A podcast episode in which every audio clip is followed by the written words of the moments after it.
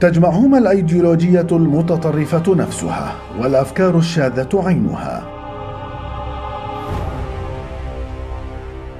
يتشابهان في الأساليب وطرق التنفيذ ويختلفان في المسميات والمصطلحات.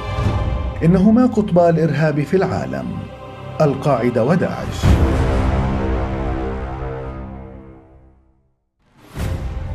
أحداث متلاحقة كشفت عن الترابط الفكري والعقائدي بين القاعدة وداعش. ترابط وتوافق يكشفان عن حقائق لم تقل ويشيران بوضوح إلى أصل يجمعهما وجماعة أم تضمهما.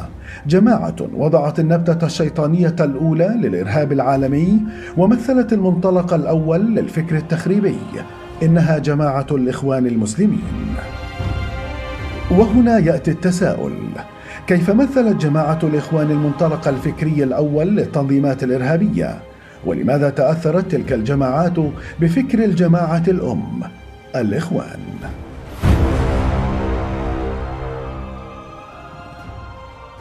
كل التنظيمات التي تبنت قضايا التكفير أو قضية التكفير وقضية الحاكمية والتأسيس لكيانات مسلحة والتغيير من أعلى وهو المواجهة المباشرة مع رأس الدولة كلها كانت خارجة من بوتقة رسائل حسن البنا ورسائل سيد قطب. المتصفح لتاريخ الجماعة الإرهابية وتحديدا أدبيات مؤسسها حسن البنا سيكتشف البذرة الشيطانية الأولى للإرهاب التي حملتها رسائله للشباب الداعية لما سماه التضحية لتنفيذ الفكرة متبعا مبدأ ميكافيلي بشكل بحت. فالغاية دائما ما تبرر الوسيلة. تلك الأدبيات التي تربى عليها شباب الإخوان كانت النهج الذي سارت عليه الجماعة بالسعي الدائم لتحقيق أهدافها مهما كانت الوسيلة وايا كان الثمن. فكرة الإسلام لم يكتمل والدعوة لم تكتمل هو مشروع كان بيأسس العنف وفي كل كلماته في الرسائل كانت بتقطر عنف وتقطر عداء الآخر. تحول الفكر إلى إرهاب يمارس على أرض الواقع. إرهاب يسقط بسببه الأبرياء ويقتل في سبيله المغيبون. لكن الأمر لم يتوقف عند ذلك. ليأتي رجل إخوانجي آخر ليجدد ذلك الفكر المتطرف ويزيد الطين بله رجل يدعى سيد قطب. الباحث في أدبيات سيد قطب سيجد أن كتاب معالم في الطريق وكتاب العدالة الاجتماعية وكتاب لماذا أو وثيقة لماذا اعدموني حملت تكفيرا واضحا للمجتمع المسلم حملت توجيها صريحا لسقوط وإسقاط الأنظمة الحاكمة باعتبارها أنظمة تحكم بغير ما أنزل الله. اعتبار أن كل من يتقلد منصبا فهو كافر بحكم أنه يطبق بغير ما أنزل الله. من تكفير المجتمع إلى وصفه بالجاهلية. رعت أدبيات سيد قطب جميع الجماعات المتطرفة فكانت العباءة الفضفاضة التي خرجت منها التنظيمات الإرهابية اللاحقة. لتمثل أدبيات الإخوان المنطلق الفكري الأول للجماعات المتطرفة وتمثل معالم طريق سيد قطب البوصله التي سار عليها جميع الجماعات الإرهابية اللاحقة. حسن البنا عندما طرح قضية التكفير وقضية جاهلية المجتمع كان مراوغا. كان يظهر ما عكس ما يبطن في حين أن سيد قطب أعلن ذلك صراحة في كتابات في كتاباته.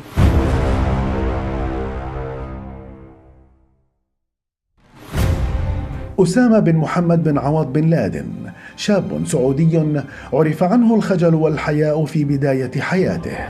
قبل أن يتحول خلال العشرينيات من عمره إلى شخصية مغايرة تماما منحرفة فكريا. حادة الطباع تميل للعنف بعد لقائه عبد الله عزام القياد الإخوانجي الذي أصبح لاحقا المرشد الروحي لابن لادن ليتحول الأخير إلى أسطورة الإرهاب الدولي على مر التاريخ. وكان الشيخ أسامة الذي يقول أنا مطرود من تنظيمي. أنا أصلا كنت في تنظيم الإخوان مطرود فأنا أحد المطرودين من التنظيمات يعني. أسامة بن لادن قولا واحدا طبقا لروايات كثير من الناس اللي جلسوا في أفغانستان. هو كان إخوان مسلمين فعلا. واللي أسس فكرة أفغانستان عبد الله عزام اللي هو من إخوان فلسطين. الإخوان آه، هم أصحاب المبادرة الأولى لتأسيس تنظيم القاعدة. وهناك الكثير من قيادات الإخوان كانوا شهودا عيان على عملية التأسيس الأول لتنظيم القاعدة في آه، آه، أفغانستان بوجود عبد الله عزام الذي كان يمثل الإخوان المسلمين واسامه بن لادن وزوج أحد قيادات آه، أبناء آه، أو بنات آه، حسن البنا آه، آه، الذي كان يعمل آه، طبيبا آه، وكان صديقا في نفس الوقت آه، لأسامة بن لادن. أيمن محمد ربيع الظواهري. زعيم تنظيم القاعدة الحالي. نشأ في كنف أسرة ميسورة الحال. تعيش في أحد أرقى أحياء العاصمة المصرية القاهرة حي المعادي. أسرة يعمل غالبية أفرادها في المجال الطبي قبل أن يتحول ابن تلك الأسرة إلى إرهابي في سن مبكرة بالانضمام إلى جماعة الإخوان في سن الخامسة عشر من عمره قبل أن يؤسس تنظيم الجهاد الإرهابي بعد ذلك.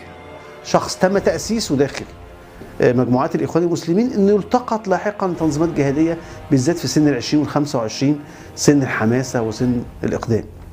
أما خالد الشيخ محمد المولود في مدينة الكويت لأبوين باكستانيين فقد التحق بتنظيم الإخوان المسلمين في السادسة عشر من عمره وشارك في معسكرات تدريبية تابعة للجماعة قبل أن يعمل في مؤسسة مصرية تابعة للإخوان ليتحول لاحقا إلى العقل المدبر لأحداث الحادي عشر من سبتمبر.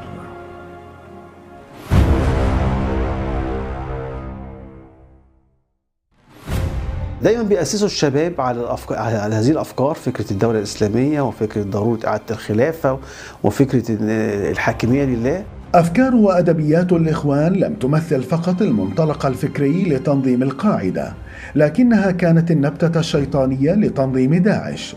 فأبو بكر البغدادي زعيم التنظيم الإرهابي كان أحد شباب الإخوان باعتراف مفتي التنظيم الإخوانجي يوسف القرضاوي.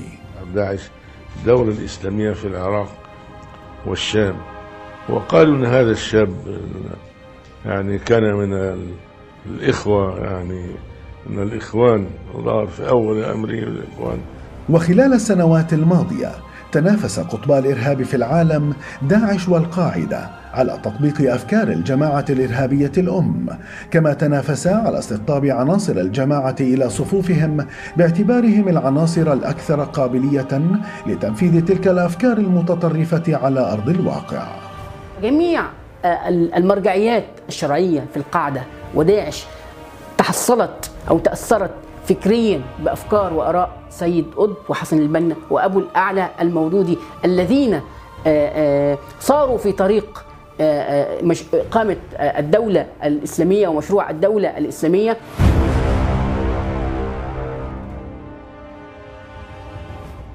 الأعمال الإرهابية التي يقوم بها داعش والقاعدة تسقط عن الجماعة ورقة التوت. وتكشف عن زيف ادعائها بالاعتدال لخداع العامة. أعمال إرهابية تظهر وبوضوح حقيقة الجماعة الإرهابية الأم صاحبة الفكر التكفيري الأول. فالأدبيات واحدة والأفكار المتطرفة متطابقة والحاضنة الأم نفسها. أنه لا مفر ولا شك في أن جماعة الإخوان هي آه، ال- التي مهدت الطريق لمختلف العناصر والمرجعيات التكفيرية آه، المسلحة في أن آه، تتسبب في إراقة الدماء. آه، كل هذه الدماء التي سالت وليست هي بالقليل. القاعدة. داعش. مهما اختلف الاسم فالأصل واحد والعباءة الفكرية هي نفسها والأعضاء لديهم قابلية لتطبيق أي فكر. كيف لا؟ وقد نشأوا على السمع والطاعة فمن شب على شيء شاب عليه